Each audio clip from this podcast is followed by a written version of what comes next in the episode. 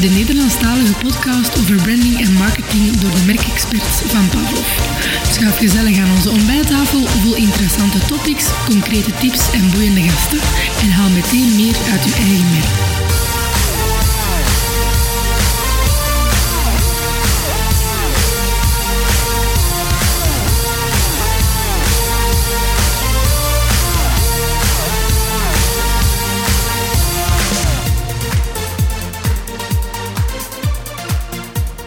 Goedemorgen en welkom, beste luisteraars, bij een nieuwe aflevering van uh, de Brand Breakfast podcast. Dank u dat u er weer bij bent over heel wat topics. Het is deze keer uh, met mijn uh, vernoot en partner en collega Michael te doen weer. op afstand voor de verandering. We zitten nog altijd in het midden van een coronapandemie.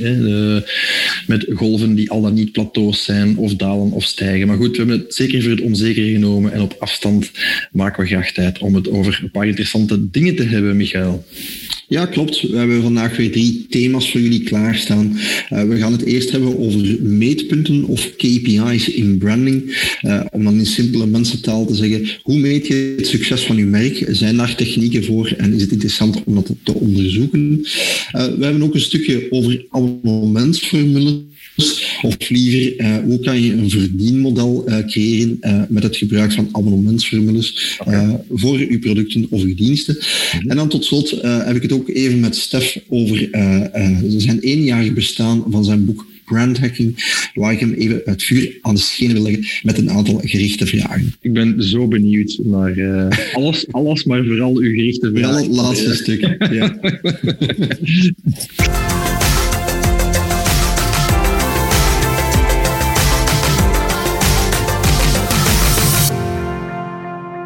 Oké, okay, Michael, um, ja, wij krijgen van klanten geregeld de vraag van hoe meet je in godsnaam hoe sterk een merk is? Hè? Hoe weten wij als merk of we goed bezig zijn?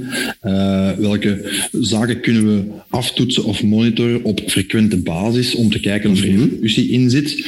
En vooral ja, uh, om ook het succes of het falen van onze tussenkomsten als consultant te meten, maar de inspanningen die ze in marketing doen, krijgen we natuurlijk wel eens de vraag van welke KPI's moet je nu eigenlijk meten? En ja, ja. ik zeg het, ik zit al twintig jaar in het vak, maar ik blijf dat een heel moeilijke vraag vinden. Hè?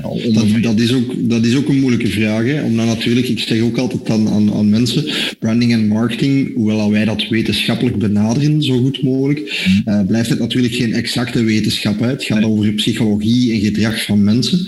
Dus uh, je kan bepaalde dingen afmeten. Je kan natuurlijk ook resultaten zien uit marketing dan specifiek of uit, uh, uit brand awareness en dat soort zaken.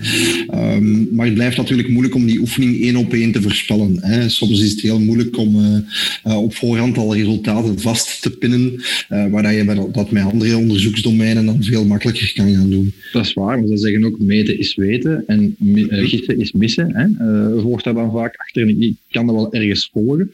Natuurlijk wat je zegt, ja, het resultaat, in, zeker in branding, marketing, wat ik nog even in het midden, maar zeker in branding is het resultaat, ja, de proof of the pudding is in de eating natuurlijk. Hè, om het uh, mm -hmm. met een cliché te zeggen, maar je gaat pas zien op langere termijn vaak bij branding, en middellange tot lange termijn, wat de resultaten zijn voor je merk en wat de impact is op uw relaties met, met klanten. Dus ik blijf dat wel heel moeilijk vinden. En plus ook ja, de typische uh, vooroordelen tussen aanhalingstekens of bedenkingen die je hebt bij al die methodes, ja, die gelden natuurlijk ook wel een beetje hier, hè, marktonderzoek gewijs. Nu, ik heb ja. voor de volledigheid, om, om op die vraag toch eens uh, een, een comprehensief uh, antwoord te bieden, toch eens gekeken van uh, welke methodes zijn er zowat in zwang vandaag. Ja, ja zijn de... voor, voor alle duidelijkheid, er zijn, er zijn KPI's. Hè. Je kan natuurlijk, ja. Er zijn dingen die je effectief kan meten en kan monitoren, ook zelfs op dagelijkse basis. Hè. Zeker wat ja. Uh, digitale dingen betreft, ja, daar moet je niet flauw over doen. Met een Google Analytics uh, kun je elke dag meten hè, hoe, hoe, bepaalde content het doet of hoe goed bepaalde boodschappen scoren. En je kan mm. met heatmaps en clickmaps gaan werken en dergelijke meer. Dus zeker door, door alles wat digitale media betreft, uh, hebben we daar een veel beter zicht op dan vroeger. maar we hebben Dirk Soetes van de VAR hier bijvoorbeeld ooit in een aflevering gehad, hè, die, die stelt dat je reclamespots ook kan meten hè, op de radio. Ja, ehm, dus, dus er bestaan wel allemaal methodes. Nu, ik, ga, ik ga er eens door een paar gaan. Hè. Ehm, een, een, typische waar we natuurlijk wel, wel vraag van krijgen is, is awareness meten. Hè, van, van hoeveel mensen kennen mijn merk, het zij geholpen, het zij spontaan, de zogenaamde brand recall. Um, mijn, mijn bedenking als consultant daarbij is dan direct van ja, oké, awareness is één zaak, hè, uh, maar vooral wat associëren ze met uw merk. Hè. En vooral ja, is dat top of mind, hè, zoals dat heet in de marketing. Hè. Stel dat ik uh, een test doe met, met, met uh, merken van flessenwater. ja, als ik water ga kopen, is dat merk dan top of mind. Hè. Dat, is, dat is in principe een beetje wat dat je meet. Natuurlijk, ja, de, de beste manier om dat te meten natuurlijk, is bij een grote groep mensen. Dus je zit, wat awareness betreft, doorgaans al snel in een kwantitatieve studie en een survey echt. Dat zij digitaal, dat zij anders. Um, wat ik ook wel relevant vond, en waar ik zelf niet zoveel ervaring mee heb, maar wat ik wel heel interessant vond, is dat je daarnaast ook de share of voice kan meten binnen uh, awareness. Hè, waar je kan gaan kijken van goed, uh, al, die, al die merken in die categorie, of, of die directe concurrenten zijn van elkaar, ja, die kunnen wel allemaal herkend worden, die kunnen wel allemaal geassocieerd worden met bepaalde zaken. Maar wat is de share of voice? Hè? Hoe, hoe, hoe, uh, um, daar kan je eigenlijk mee gaan meten, de awareness van het ene merk gaan afzetten tegen de, de gekendheid of de awareness van een ander merk. Dat vind ik op zich ook wel een interessante metric, een interessante KPI om, om te meten. Dat is allemaal niet zo evident, denk ik, maar dat is wel een, uh, als je dat frequent doet, hè, met, met een brand tracker of zo, hè, een typische uh, kwantitatief onderzoek, dan krijg je wel een goed beeld, denk ik, op je markt en de, de positie van uw merk daarin. We hebben dat bij klanten al gezien, dat dat toch een, een tool is die vaak gemonteerd wordt om bekendheid van... Ja, klopt. Seven inderdaad, wat, wat hij er juist ook aangaf. Hè. Dirk Soetens van de VAR zei dat ook. Wordt vaak ook toegepast bij campagnemetingen. Hè. En dat men echt gaat kijken van hoe, uh, hoe is de top of mind en de share of voice op het, op het moment voor de campagne en na de campagne. waar dat je dan echt iets tactisch daartussenin zet en heel duidelijk het verschil kan meten tussen een nulpunt en een uh, moment van interactie met het merk. Dus uh, ja. Alright, ja, de volgende stap natuurlijk, hè, customer journey gewijs, is consideration. Hè, de vraag die je, de KPI die je daar dan meet, hè, is inderdaad die consideration. Van in hoeverre zijn mensen bereid om te kopen bij een bepaald merk? Welke aspecten en emoties spelen ook een rol in, in switching behavior? Hè, de bereidheid om loyaliteit aan één merk uh, op te geven en in te wisselen voor een, een ander merk. Um, ja.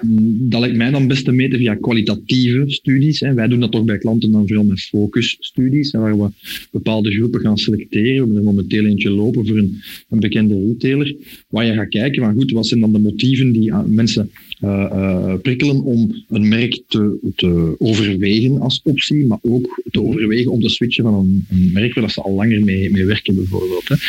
Ja, uh, ik vind dat interessant omdat dat dieper ingaat in die motieven. En ik vind dat vanuit een branding standpoint veel belangrijker dan, dan awareness, omdat je kan polsen, ja, small data gewijs, naar, naar wat drijft mensen echt hè, in hun gedrag en in hun, hoewel dat ook weer verschilt hè, van, van dag tot dag misschien. Hè. We weten allemaal dat klanten irrationele wezens zijn, wij allemaal als consument ook. Mm -hmm. um, maar bijvoorbeeld, in een, een, heel eenvoudige manier, bijvoorbeeld over een KMO om dat te meten, vind ik, die consideration, uh, consideration sorry, uh, is bijvoorbeeld de bounce rate op een website gaan analyseren.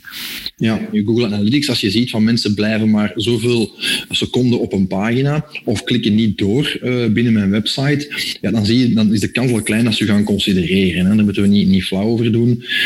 dan zijn ze voor iets anders gekomen dan om u als merk te ontdekken. Dus small data gewijs lijkt mij dat wel een verstandige. Voor de metric die je nu geeft, die KPI, zou ik inderdaad ook ook echt voor die kwalitatieve studie gaan. Hè? Omdat je zegt daar terecht, uh, het is belangrijk dat je de motieven kent. Wel, ik, denk de meeste klanten die wij dan spreken in diepgaande kwalitatieve studies, uh, die weten dat eigenlijk zelf niet. Dan moet je er een stuk gaan uittrekken.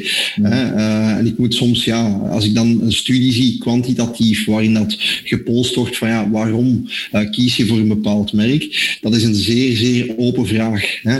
of ja. zou je overwegen om een ander merk te testen? Dat is een heel open open vraag. En ik denk dat veel consumenten daar ook niet bewust mee bezig zijn of bewust over nadenken altijd. Um, en ik denk voor, voor dat soort KPI dat het interessant is inderdaad dat je mensen spreekt, hè, dat je echt uh, met klanten spreekt, mm. focusstudies doet. Uh, dan krijg je daar pas echt een waardevol antwoord op, omdat je dan ook de juiste vragen kan stellen en dieper kan ingaan op die motieven uh, van tuurlijk. Ja. Ja, de volgende keer had, had opgeleid is CPA. Hè. CPA is kost per acquisitie. Eigenlijk simpel gesteld, uh, wat kost het mij als merk om een klant binnen te halen?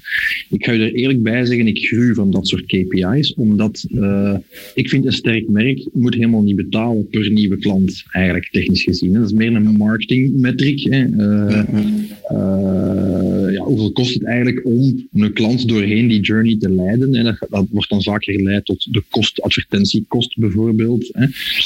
Um, dat is daar vaak aan gekoppeld hè, aan de, kosten op een klik bijvoorbeeld op een online ad of, of ja, het aantal oogballen dat een, eh, een advertentie ziet. Um, volgens mij meet het dan ook vooral de effectiviteit van marketinginspanningen eerder dan uh, brandinginspanningen. Hè. Uh, als voilà, ja. daar, ben ik, daar ben ik mee akkoord, Stef. Volgens mij staat dat een beetje los van branding. Hè. Dat is wat wij ook zeggen. Hè.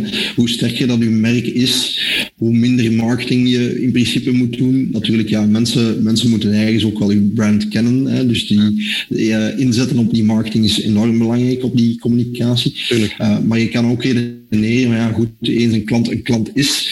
Hè, uh, als uw merk goed zit en je geeft hen de mogelijkheid om daarna terug een aankoop te doen of u aan te bevelen, ja, dan wordt het al wat moeilijker om aan die metrics te denken. Hè. Omdat je dan zegt van goed, oké, okay, we hebben een, een acquisitie gehad van een klant die eenmalig koopt, maar misschien daarna ook terug, terug bij ons komt, uh, andere mensen aanspreekt en ons aanbeveelt.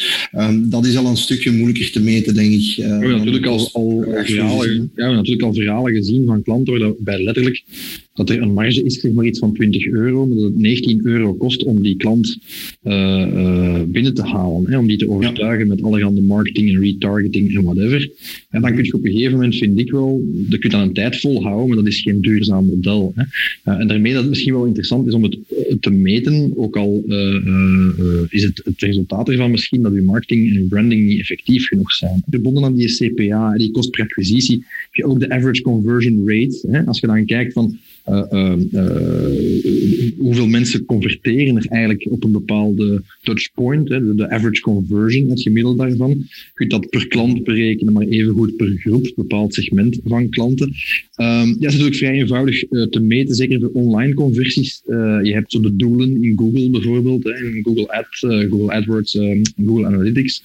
Waar je echt ja. kan zeggen van ja, kijk, dat is mijn doel. Een conversie op die pagina, een aankoop van dat product of inschrijven op mijn nieuwsbrief of een contactformulier invullen, whatever. Uh, dan ga je inderdaad kijken wat is dan de average conversion rate om daar dingen te gaan, uh, te gaan fine-tunen. Maar je kunt dat ook door, door het, het, het, het, het, ja, afmeten van fysieke afspraken met een verkoper of uh, winkelbezoeken. Hè. In veel van die winkels hangt een tellertje vooraan. Hè. Als je binnenwandelt, wordt er een onzichtbare straal doorbroken, waardoor er een tellertje gaat met hoeveel bezoekers er in je winkel komen. Ja, kan je gaan afmeten. Ja. Voilà, die voetbal, kan je inderdaad gaan afmeten hoeveel mensen kopen daarvan. Ook daar met een korrel zout, hè, want een heel gezin, nu met corona kan dat niet, maar een heel gezin dat binnenkomt om bijvoorbeeld voor een van de kinderen iets te kopen. Ja, dat telt al als vier, vijf mensen die binnenkomen maar eentje die koopt. Dus ook dat is al altijd met een korrel zout uh, te nemen. Maar je kan wel een beetje gaan kijken, wat is de closing rate bijvoorbeeld? Hè? Wat is de, de, de, de gemiddelde conversieratio voor een bezoeker van mijn winkel, mijn website enzovoort. Een, een hele gekende, uh, Michael, uh, die ook al wat onder vuur ligt, moet ik er meteen bij zeggen, is de fameuze NPS-score, de Net Promoter ja. Score. Tot nu toe hebben we het over awareness en consideration gehad. We hebben het gehad over een, een moment dat ze gaan aankopen hè, bij u als merk, of, of een, in, een andere relatie of interactie met uw merk aangaan.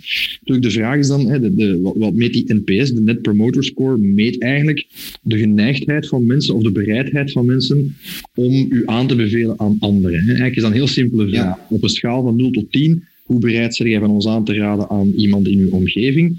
En eigenlijk zeggen alleen de scores 8, 9 en 10 zijn goed. Hè. Alles wat daaronder zit is problematisch volgens dat model. Ja, het is, het is, het is behoorlijk streng inderdaad. Het is zeer streng. Het is zeer streng. Is een vaststaande uh, methode, die NPS-studie. Uh, die zijn voor- en zijn tegenstanders heeft. Ik heb dat al heel goed weten toepassen, maar ik heb tegelijkertijd al geweten dat men daarmee voetert ook, hè, zonder uh, uh, het merk bij naam te noemen.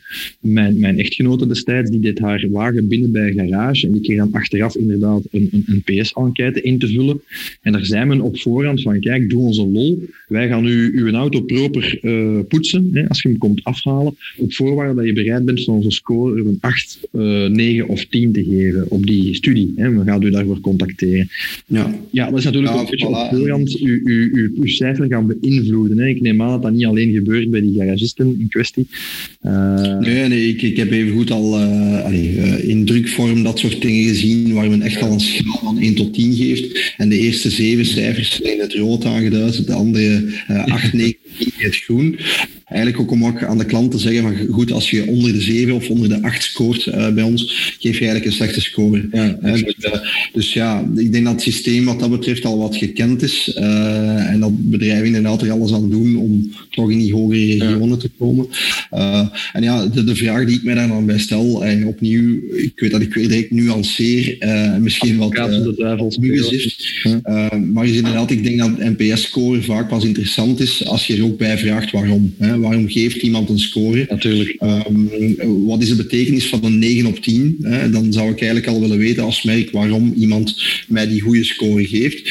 Of als het een 6 of een 7 is, wat, wat eigenlijk een genuanceerde score is, als je het zo kan zeggen.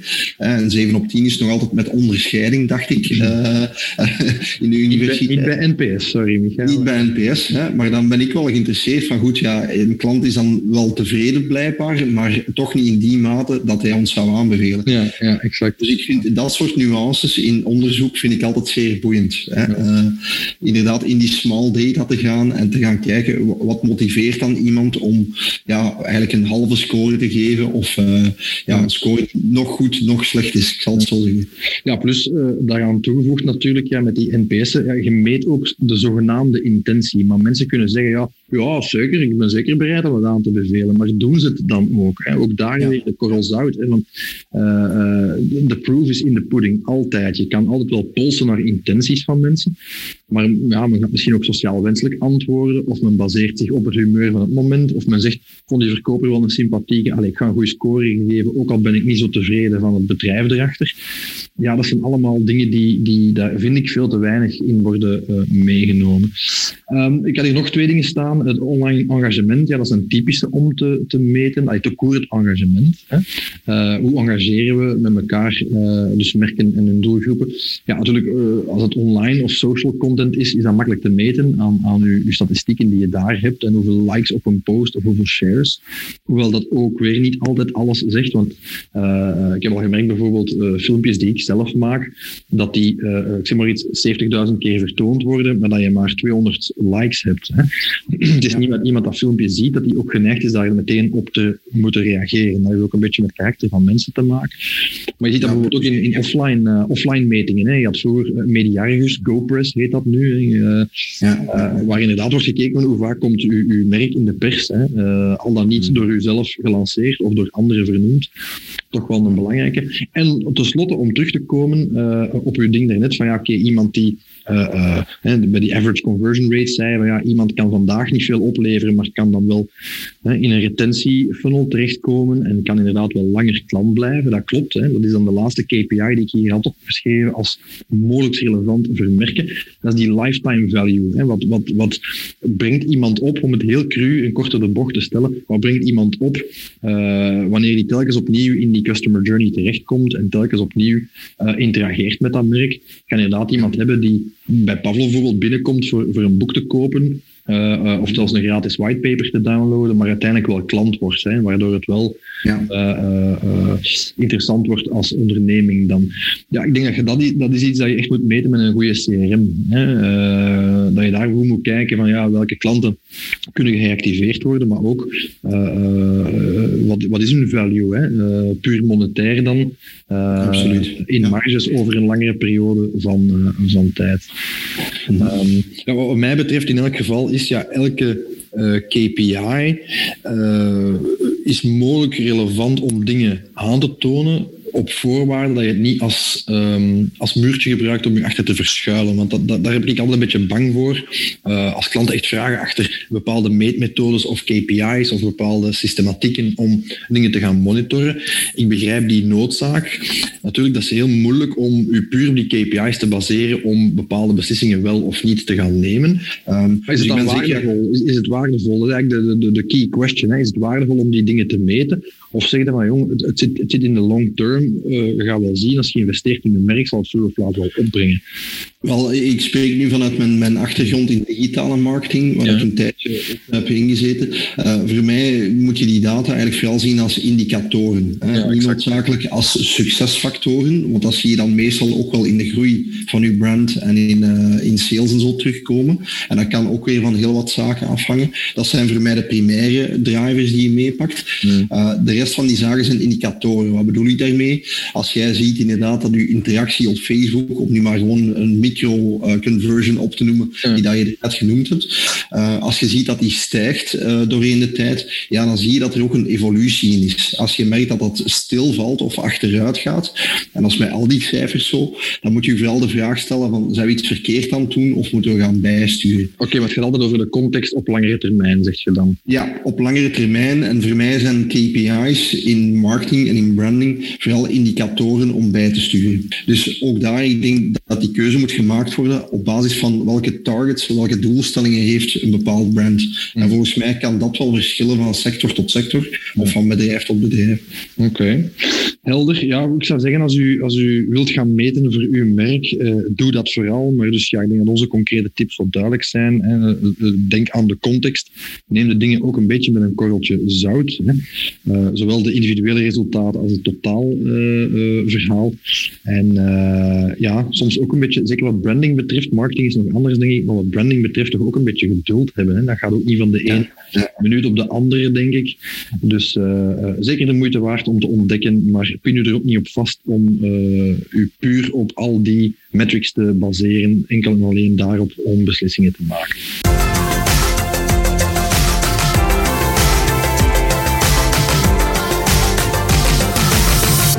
Goed, Stef. Eh, ik wil het vandaag ook hebben over een topic waar we het ook met een paar van onze retailklanten recent over hebben gehad. Uh, en dat is het abonnementsformule of abonnementsformules als verdienmodel. Hè? Okay. Um, als we nu kijken, ja, de, eigenlijk de laatste jaren zien we daar toch ja, ik durf wel te zeggen, een klein beetje een trend in.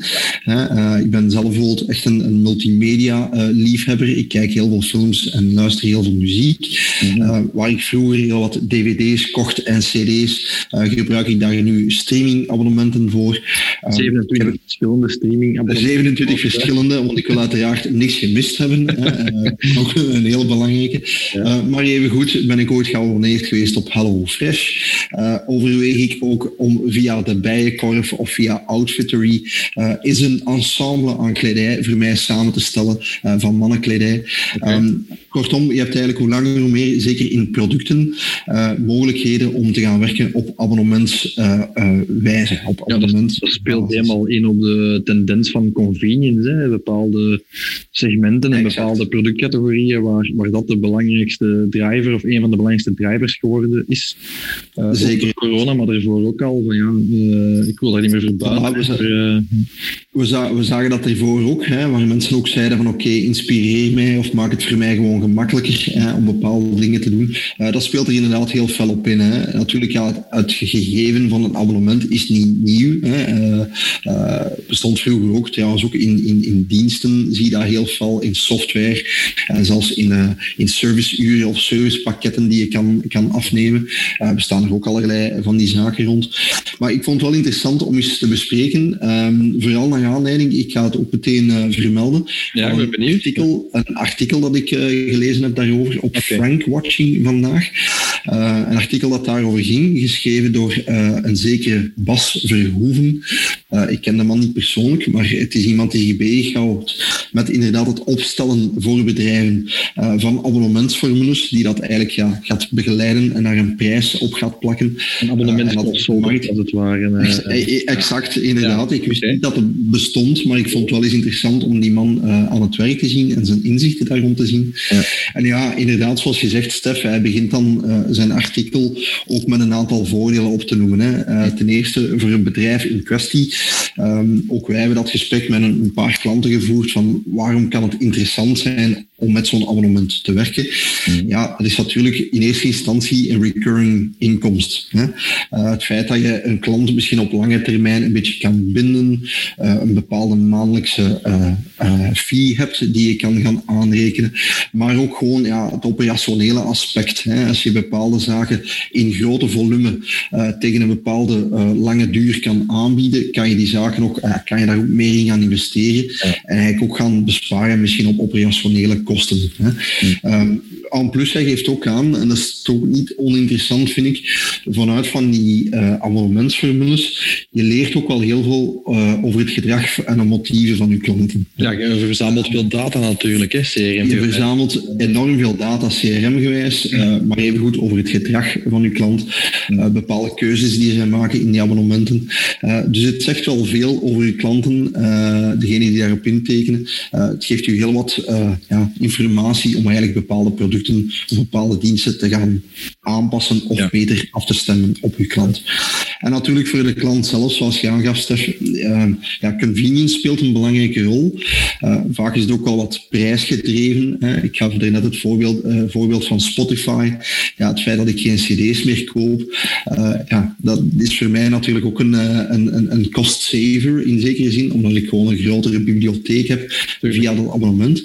Maar dat vond ik dan ook wel interessant. Er blijkt ook wel echt een psychologische onderlaag aan te zitten, waarom mensen voor die abonnementen kiezen. En dat is het idee dat je eigenlijk nooit zonder iets zit. Hè? Uh, bijvoorbeeld HelloFresh speelt daar ook een stukje op in. Hè? Het feit van ja, je gaat nooit zonder eten vallen. Uh, je hebt altijd alles wat je exact nodig hebt voor die dagen om te koken. Uh, dus het is eigenlijk een stukje ontzorging. Hè? Het idee dat je eigenlijk ja, dat je probleem, om het zo te zeggen, of je nood, ten alle tijde is opgelost. Dat je daar zelf niet over moet nadenken. Ja, convenience in het, in het kwadraat eigenlijk. Eh, ja. Eigenlijk wel, ja. Maar het ging dus inderdaad wel wat, wat, wat dieper psychologisch. Het idee, ja, ook gewoon het gevoel van oké, mijn nood is altijd opgelost eigenlijk. Um, nu, die man hè, die het artikel schreef, die gaf ook een aantal tips aan bedrijven die daarmee willen starten. Want voor alle duidelijkheid, dat is geen evidentie. Hè. Uh, nee, ik, ga net zeggen dat ik toch even mag... mag ja, zeker en vast. Ja. Ik hoor op een gegeven moment zeggen, een voordeel voor een organisatie is die operationele uh, winst of die operationele excellentie daarin. Ik kan me daar inderdaad wel iets bij voorstellen. Van de andere kant, uh, jij weet dat ook, Michael, ik ben een geweldige fan van de... mijn vrouw en ik noemen dat de dierenprogramma's dingen zoals uh, jonge leeuwen uh, of jonge wolven en, en de leeuwenkuil en de Shark Tank en wat is het allemaal. Um, mij valt op dat men toch altijd heel kritisch is in dat soort uh, tv-programma's, maar ook als ik zo cijfers, want ik ben ook abonnement, abonnee van bijvoorbeeld de tijd en de trends. Mij valt toch altijd op dat men daar vrij kritisch is voor de cijfers van zo'n abonnementspelers. Hè? De, de, de Netflix en de Spotify's, maar ook de HelloFreshen en zo die blijken toch vaak niet zo rendabel te zijn. Uh, dus ik vraag dat klopt. Uh, allee, ik snap de appeal voor, voor de eindgebruiker, uiteraard. Anders zou ik ook niet Spotify en Netflix en weet ik veel wat allemaal in huis hebben. Uh, van de andere kant vraag ik me af, hoe duurzaam zijn die, zijn die modellen altijd? Hè? Zeker als, als, als starter bijvoorbeeld moet dat toch waanzinnig moeilijk zijn om, om een abonnementsformule van de grond te krijgen en dat rendabel te krijgen. Met alles wat daarbij komt kijken, van logistics en zo. Absoluut, ja. Ik denk dat je het daar goed benoemt, hè, Stef. Um, vooral een startfase is bijzonder, bijzonder uitdagend. Zo'n abonnementsformule um, kan alleen werken op een lange termijn. En met, heel, de, volume, neem ik aan. En met heel veel volume, hè, inderdaad. En dat is ook iets, iets wat, uh, uh, wat Bas in zijn artikel heel duidelijk aangeeft. Mm. Um, hij spreekt dan over het fish-model, uh, zo'n curve die okay. je daar ziet. Waar je ook ziet van ja, eigenlijk doordat je je producten, de eenmalige aankoop van producten, gaat vervangen door een abonnementformule, uh, ga je eigenlijk in eerste instantie zelfs dalen in omzet. Hè? Okay. Doordat je eigenlijk, ja, je speelt op volume, dat wil dus zeggen dat je eigenlijk in een abonnement meestal op een competitievere prijs gaat werken. Ja. Wat ook wil zeggen dat je in eerste instantie al heel veel gebruikers moet hebben, of heel veel abonnees moet hebben, om echt uit die kosten te komen. Komen. Hè. En ook daarna zitten er inderdaad challenges in om het dan nog eens te gaan optimaliseren, uw, uh, uw abonnementsformule, of er extra diensten in te steken. Uh, dus dat is absoluut geen evidentie. Uh, natuurlijk is er ook een combinatie mogelijk. Hè.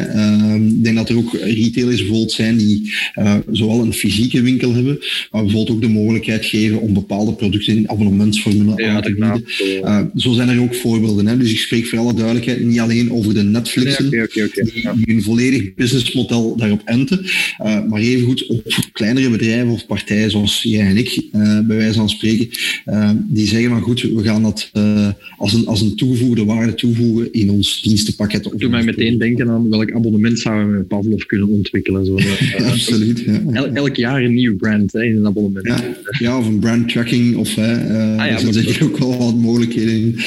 Klopt inderdaad. Um, ja, nu in het artikel stonden ook een paar zaken mee, uh, meegegeven van wat zeker en vast belangrijk is. Hè, want effectief, het is geen evidentie. Uh, een van de zaken die bijvoorbeeld heel hard wordt aangegeven is alles wat support is, een customer journey, uh, om daarop in te zetten. dat kan al een succes hebben als die journey vlekkeloos verloopt. Hè, dat die klant het gevoel heeft van goed, dat gaat hier vlot. Ik kan heel snel terugkoppelen als ik een vraag heb of met een probleem zit. dat is een heel belangrijke. Um, wat ik ook heel interessant vond daarin, um, en dat bleek dan ook uit studies, las ik in het artikel uh, die men in de States heeft gedaan, gebruikers zijn blijkbaar heel gevoelig aan de annulatievoorwaarden van een abonnement. Oké, okay, um, dus, uh, ja. ja. dus vinden het ook belangrijk, gaan het meer vertrouwen als ze het gevoel hebben van oké, okay, het is ook makkelijk opzegbaar. En ik spreek uit ervaring, ik ben ooit Basic Fit abonnee geweest en ik heb mij daar laten aanpraten om zo'n jaarabonnement voor een verlaagd uh, tarief te, uh, te gaan uh, aanschaffen. Mm -hmm. En ik moet zeggen, ook zelfs na dat jaar, mijn, mijn schrapping van een abonnement, ja, bleek dan in de kleine lettertjes dat ik nog drietal maanden op zich moest doen. Okay. dat zijn natuurlijk ja, redenen waarom ik als klant makkelijker zou afhaken. Dus okay. blijkbaar is daar ook wel de awareness steeds groter vanuit klanten. Maar goed, ik wil ook het gevoel hebben dat ik er makkelijk onderuit kan komen als dat moet. Of dat ik tenminste weet wat de, wat de voorwaarden daarvan zijn. Dat is herkenbaar. Ik kreeg bij mijn, uh, bij mijn uh, laatste aankoop van een, uh, een MacBook een maand gratis Apple TV cadeau. En ik dacht, ja, misschien moet ik dat toch maar eens uitchecken. En wie weet wat voor content dat ik daar leuk vind. Ja. Hoewel ik inderdaad al 37 streamingdiensten heb. En dan ging ik eens kijken en dan stond erbij, maar ja, je moet wel, als je daar gebruik van wilt maken, je visa-kaartgegevens opgeven, je, je betaalkaartgegevens. En, en ja, je kunt er ook niet meer zomaar opzeggen na die gratis maand. Hè. Dus dan begint de betaling direct te lopen, te zeggen op tijd cancelled en dat soort dingen. Ik snap dat, hè. Dat, is, dat is logisch. Hè. Dat, is eigenlijk, dat een model een ander. Maar dat, dat heeft mij dan wel weerhouden om dat die gratis maand uit te proberen. Ik dacht, ja, nee, dat is alweer te veel gedoe en dan moet ik onthouden om het op te zeggen als het, als het mijn ding niet is. En uh, uh, dan haak je inderdaad af. Hè. Absoluut. Dus ja, dat vond ik wel een, een boeiende learning daaruit, dat dat ook een heel belangrijke blijkt te zijn. Ja. En ja, om dan misschien terug te komen als laatste, hè, omdat je ook zegt die risico's als bedrijf, als je daarmee start, hij geeft, hij geeft ook aan, van kijk, het is belangrijk in zo'n formule dat je eigenlijk start met een soort van uh, minimum viable product. Hè, dat je echt start met een, een soort van basic abonnement. Je ziet dat ook vaak bij software hè, in ontwikkeling, dat je eigenlijk aan een heel lage prijs nog instapt in het begin en dat men eigenlijk jaar na jaar dan die tarieven gaat verhogen. Maar er ook veel aan gaat toevoegen hè, van functionaliteiten. Wel, bij een abonnement is dat ook zo. Hè. Dus jij zegt ook van ja, start small. Hè. Ga niet meteen uh, daar alles in steken of dat heel groots aanpakken. Uh, test dat eerst uit op je markt. Ga ook eens uh, goed bevragen, maar goed, waar is een nood aan recurring producten of diensten? Want het kan ook zijn dat uw klanten zeggen, maar ja, daar is totaal geen nood aan. Um, dus dat zijn wel zaken om te onderzoeken om ook dat risico een stuk te beperken. Hè. Okay, cool. um, dus kortom, een beetje mijn conclusie daaruit. Ik denk dat dat wel kan werken. Uh, al dan niet in combinatie. Hè. Uh, we halen hier inderdaad de HelloFreshen en de Netflixen aan. Uh, maar al dan niet in combinatie met eenmalige uh, aankopen.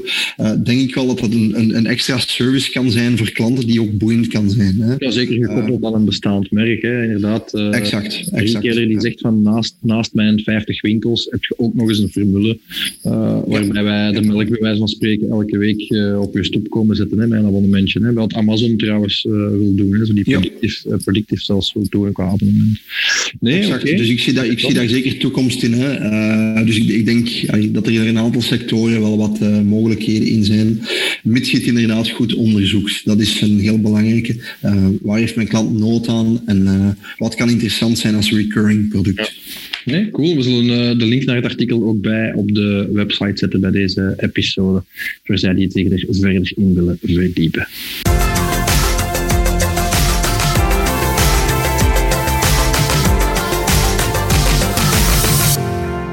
Stef, misschien als uh, toemaatje op deze aflevering uh, wil ik het ook met u hebben uh, over een topic dat u nou aan het hart ligt.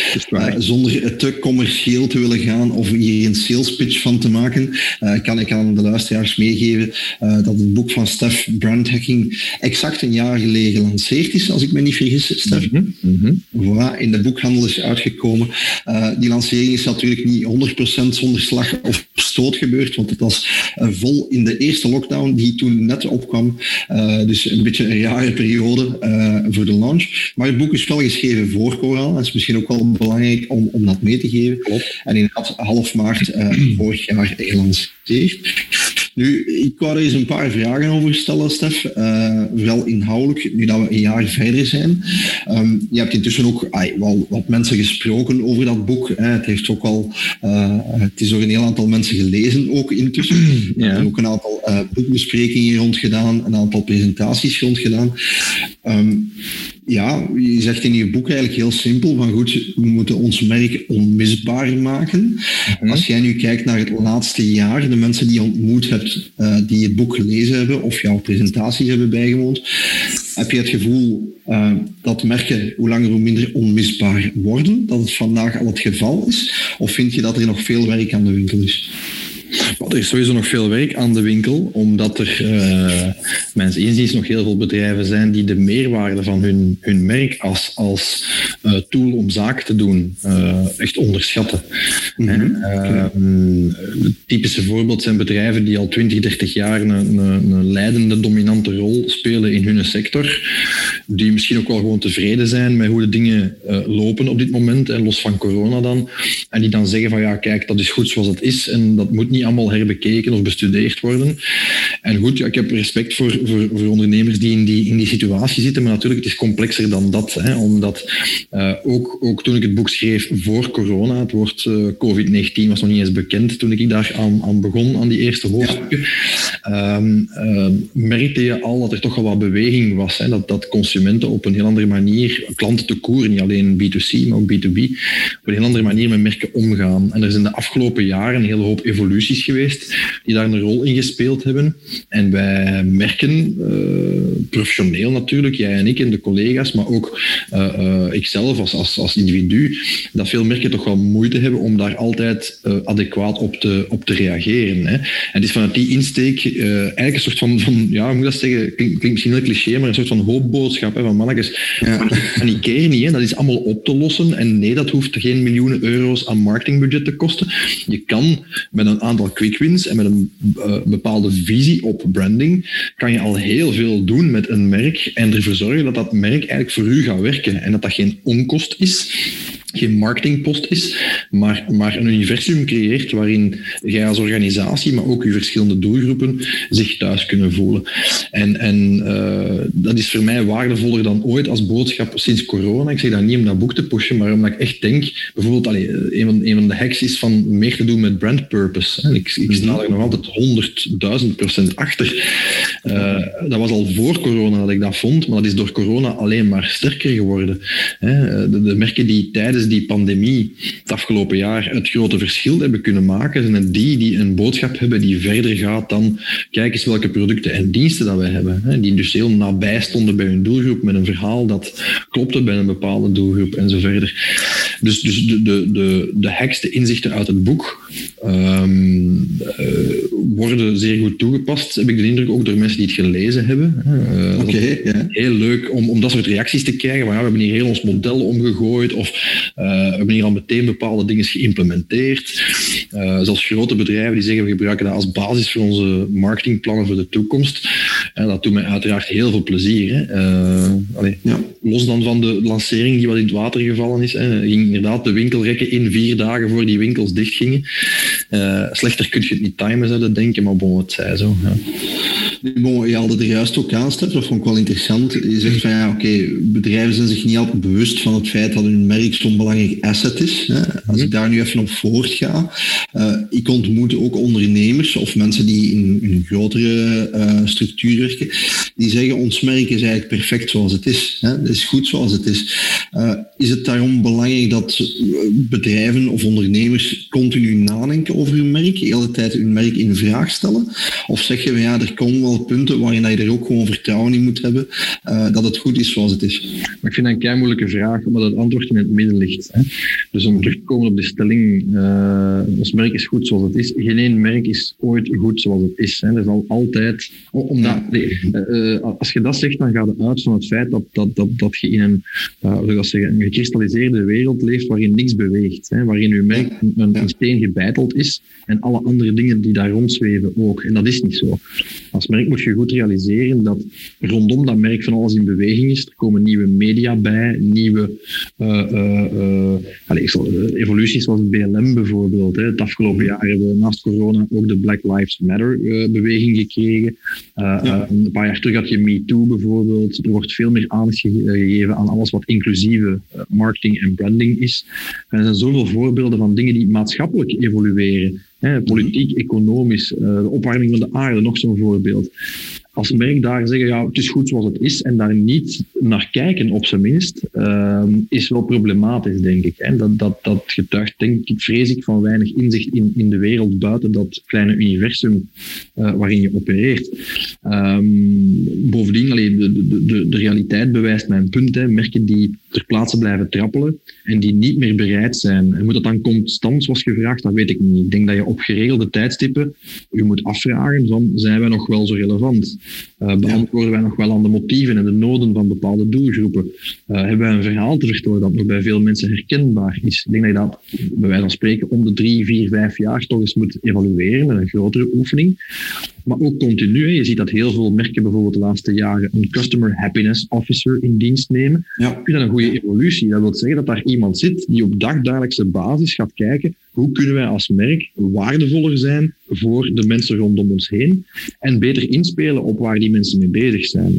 Hetzelfde met brandmanagers en zo verder. Die traditionele marketeer, die wordt hoe langer hoe meer aangevuld en misschien zelfs weer een stuk vervangen, dat weet ik niet, maar in elk geval wel gecomplementeerd door iemand die meer vanuit een branding oogpunt daarnaar gaat kijken. Hè.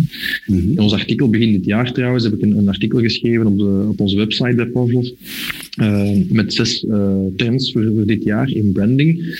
Uh, ik weet niet meer exact van buiten wie het was, maar een van de rapporten die we geraadpleegd hadden voorspelde dat tegen 2025 sales, customer service, marketing, branding, dat dat allemaal in één rol zou komen. En dat vind ik bijvoorbeeld een logische evolutie. En dan zorg je er automatisch voor, als je mensen hebt met een beetje gevoel voor branding, zorg je automatisch voor een continue evaluatie. Ga je continu de vraag stellen van, zijn we relevant? Bieden we een meerwaarde? Doen we iets meer dan gewoon producten en diensten verkopen?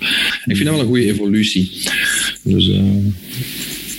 Ja, absoluut. Ja, misschien, ay, dat brengt mij meteen op mijn volgende vraag, Stef. Als je zegt van oké, okay, uh, we moeten continu in evolutie zijn. Uh, we hebben nu een jaar meegemaakt sinds hun lancering van het boek, um, waarin er heel veel gebeurd is, waarin dat er toch op, op, op bedrijfsvlak ook heel veel veranderd is en wel wat ogen zijn opengetrokken over een aantal zaken. Wel, ja. um, als ik u nu zou vragen, hè, als ik de challenge dan even terug naar u uh, gooi, um, moest jij vandaag het boek opnieuw schrijven? En je moest terug zeven hacks of x aantal hacks uh, uitwerken, mm. zou je dan dezelfde zaken benoemen? Of zijn er zaken die je nu het laatste jaar hebt ontdekt, waarvan je zegt van ja, eigenlijk uh, sinds heel het corona gebeuren of sinds de dingen die de laatste jaren geëvolueerd zijn, dat zou ik toch graag eigenlijk nog als, als inzicht meegeven? Wel, ik vind dat een goede vraag. En voor de luisteraar trouwens hebben die vragen niet op voorhand doorgesproken. Ik zeg niet dat, je ging vragen, maar weet ik, dat vond, ik vond het heel interessant om eens te challengen zonder hem voor te bereiden daarop. weet effectief dat ik mij die vraag ook continu stel. Dan zou ik vandaag hetzelfde boek schrijven. Ik denk, ik berust in het, het zou niet 100% hetzelfde boek zijn. Bepaalde klemtonen zouden anders liggen, wellicht omdat het woord corona erin voorkomt. En omdat ja, je, je toch weer wat ervaringen en cases en, en, en, en, en situaties rijker bent om naar te verwijzen. Hè. Mijn boek staat vol met cases en zo. Hè. Ja. Eh, van die inspelen op bepaalde situaties, positief en negatief. Ehm, dus dat zou wellicht verschillen, maar ik denk dat de, de, de zeven cruciale inzichten uit mijn subtitel, dat die wel dezelfde zouden zijn. Hè. De invulling zou misschien wat eh, gewijzigd zijn, maar ik denk dat iemand die het vandaag leest, die zeven eh, inzichten ook onmiddellijk kan ehm, eh, moet ik dat zeggen, projecteren op de situatie van zijn merk vandaag, post-corona of mid-corona. Ja, dus eigenlijk wat je zegt, het zijn tijdloze principes. Alleen de invulling daarvan zal afhankelijk zijn van de zaken die op dat Ja, moment... dat, dat was toch in elk geval wel de bedoeling. Hè? Dat zou je eigenlijk Mhm. moeten, moeten vragen aan mensen die het voor een eerste keer lezen, dat boek. Maar eh, de bedoeling was wel dat het tijdloos was. Hè? Eh, allee, mijn, mijn, mijn vorig boek dateerde van 2013. En ik durf met enige dédain hier tegen u te zeggen dat ik denk dat iemand die dat vandaag leest, dat hij dat nog altijd relevant zal vinden. De principes Ja. rond personal branding die ik daarom, daarin beschrijf, en ondertussen acht jaar geleden, eh, die kloppen ook nog allemaal anno 2021. En uiteraard het hoofdstuk over Facebook, Twitter en LinkedIn zou eens herschreven kunnen worden. Hè. Daar is op die acht jaar wel wat veranderd. Hè. Eh, eh, kledingstijlen zijn anders, er zijn media en manieren bijgekomen om je personal brand uit te bouwen. Maar de essentie van het verhaal en, en de, de om een sterk persoonlijk merk te ontwikkelen zijn na acht jaar nog wel dezelfde. En ik hoop eerlijk gezegd dat binnen dit en zeven jaar dan, dat voor brandhacking ook nog wel geldt. Dat Ja. de, de dingen die ik daar aanhaal, dat dat op dat moment ook nog relevante adviezen zijn voor eh, merken om, om over na te denken. Dus eh, ja, dat was, het was de bedoeling en ik hoop daar toch in geslaagd te zijn dat dat effectief eh, niet staat of valt met corona. Eh, als ik er Ja. zelf stukken van herlees, wat ik af en toe wel eens doe, voor, voor, in, in trajecten met klanten of om een lezing voor te bereiden, dan denk ik toch van ja, goh, dat is nu geschreven maanden voor corona, maar eigenlijk klopt dat perfect met de situatie waarin we vandaag zitten. Ja, ik ben het daarmee eens. Hè. Ik denk dat eh, heel veel mensen die het boek lazen, eh, mij er dan ook over aanspraken soms, eh, ook wel zeggen, want het gaat echt over fundamenten hè, die je daar omschrijft. Dus, Eh, sommige dingen die eigenlijk al heel lang gaande zijn, hè, die daarom niet trendgevoelig zijn, maar gewoon belangrijke bouwstenen zijn voor, voor uw brand. Dus daar volg ik je helemaal in. Misschien nog een, een afsluitende vraag, Stef. Eh, ook wel een boeiende, want we hebben inderdaad, zowel jij als, als ik, als andere mensen binnen ons team van Pavlov, wel eens af en toe wat reacties gehad over de inhoud van die hacks. Het, zijn er dan, het zijn er dan zeven. Ehm, wat zijn zo de, de, de interessantste reacties die je gehad hebt op bepaalde eh, stellingen die je inneemt? En je weet al waar ik naartoe wil waarschijnlijk, over welke ik het heb. Uh, maar er zijn er toch een paar uh, in die dat, ja, ik zal niet zeggen heilige huisjes omvergooien, maar misschien toch wel een bepaalde... Controverse. ja, controverse is zelfs al veel gezegd, maar misschien bepaalde denkwijzes toch wel een beetje in vraag stelden. Dus ik ben heel benieuwd, wat zijn zo de, de boeiendste reacties die je gehad hebt? Uh, maar je, je, hebt dat op twee niveaus. Ik heb dat op heel individueel niveau, van lezers die ons inderdaad contacteren of mij contacteren via, via de website of via sociale media. Um, de bigger picture dan, ja, natuurlijk op voorhand wist ik, en, en jij ook Michael, want we hebben het daar uitgebreid over gehad, dat bepaalde dingen die wij hier bij Pavlov of ik persoonlijk als visie hanteer in het dagelijkse werk als merkstrateeg, dat die mogelijk wel eens wat voor wat opschudding konden zorgen. Ik denk dat de, de, de twee waarvan ik het het meest verwacht had, zijn ook degene waar ik het meest op aangesproken word. Hè. Dat is uh, om te beginnen die laatste hack rond marketing, ja. waar ik eigenlijk zeg van kijk, marketing wordt overschat. Ik blijf daarachter staan en ik blijf daar ook overal de bewijzen van zien. Uh, marketing is geen oplossing voor alles. adverteren is soms echt een zwaktebod, hoe je dat ook draait of keert. Ik denk ook dat ik dat goed onderscheid en beargumenteer persoonlijk. Ik krijg inhoudelijk daar niet veel reactie op. Ik krijg alleen reactie op van, amai, jij durft dat wel nogal zeggen. Hè? En dan natuurlijk, ja, wat ik dan minder had verwacht, maar wat dan mij heel erg opvalt, en dat is dan wel heel coronagevoelig om af te sluiten, uh, is, is de, de gesprekken die ik voer met mensen uh, indirect over, over het verhaal van human to human. Een van de hacks is, je moet een menselijk merk zijn en je moet human to human en niet B2B en B2C blijven denken. Ehm, in dat hoofdstuk ehm, ben ik nogal, of toon ik mezelf een coole minnaar van alles wat digitalisering is. Vooral digitalisering om de digitalisering. Natuurlijk, ja, 2020 was het jaar van de heel brute digitalisering, van de ontmenselijking vaak. Hè. Daar bedoel ik mee echt de afstand die ontstond plotsklaps door lockdowns en door allerhande maatregelen. Ja, ja. Ehm, en dat is iets waar ik nu vandaag ook nog enorm mee bezig ben. Hè, van in hoeverre is dat een blijvend fenomeen, ja of nee? Ik vermoed van niet. Anderen denken dat dat nu definitief de revolutie richting uh, digitalisering uh, tot in het extreme heeft ingezet. Only time will tell natuurlijk. Um, maar ik hoop dat merken toch ook een beetje kijken naar het advies dat ik daar geef in mijn boek en ook op dagelijkse basis deel met mensen. Uh, omdat er volgens mij meer dan ooit, ooit nood is aan menselijkheid, empathie, creativiteit. Dingen die je niet in een digitaal medium kan gieten. Ja, of, of misschien iets minder. Hè. Ik denk dat moeilijker. Zijn. Zeker in consumptiegedrag, Michael, gaat het heel vaak dan over een transactie. Hè. Een webshop, ja, ja, ja. Een, een, transactie, namelijk een kassa-verhaal, te verplaatsen naar een medium dat wel nog toegankelijk is in pandemietijden. Alles wat daar aan vooraf gaat, is heel moeilijk online. Hè. Je kan geen kledij voelen, je kan niks passen, je kan niks ruiken, je kan niks uitproberen. Je hebt geen, geen menselijke interactie, je moet je baseren op filmpjes en foto's en tekst. Um, dus volgens mij is dat geen blijvend fenomeen, toch niet in de extreme uh, mate waarin het voorspeld wordt soms. Um, maar ja, dat is, dat, dat is ook wel iets waar ik heel veel over spreek en waar ik heel veel reacties op krijg, zowel positieve als negatieve. En waar ik een beetje de indruk heb dat ik een van de weinige stemmen ben die daar kritisch voor is, toch alleszins wat branding betreft. Voilà, die boodschap is duidelijk. Uh, beste luisteraar, blijven lezen, zou ik zo zeggen. Oké, okay, super. Dankjewel, Stef. Bij deze kunnen we dit uh, stukje ook afronden. Uh, dankjewel om u eerlijke inzichten te geven op mijn vervelende vragen. Ja. Luisteraars die nog ideeën hebben, tips, kunnen ons altijd bereiken via hello@brandbreakfast.be. Ook voor bepaalde vragen die je misschien zou hebben over de topics die we besproken hebben. weet dat wij nog een aantal heel, heel interessante gasten komende hebben.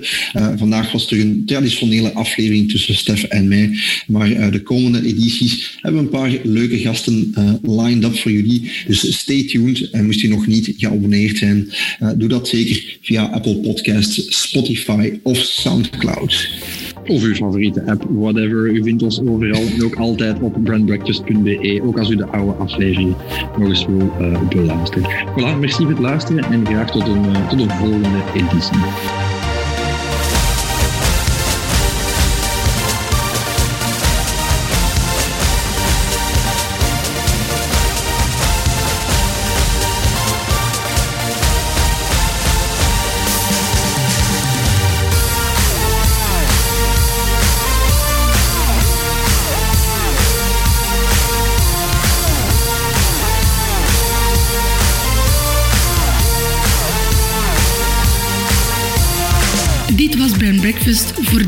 Vergeet ons niet te liken of u te abonneren via uw favoriete app.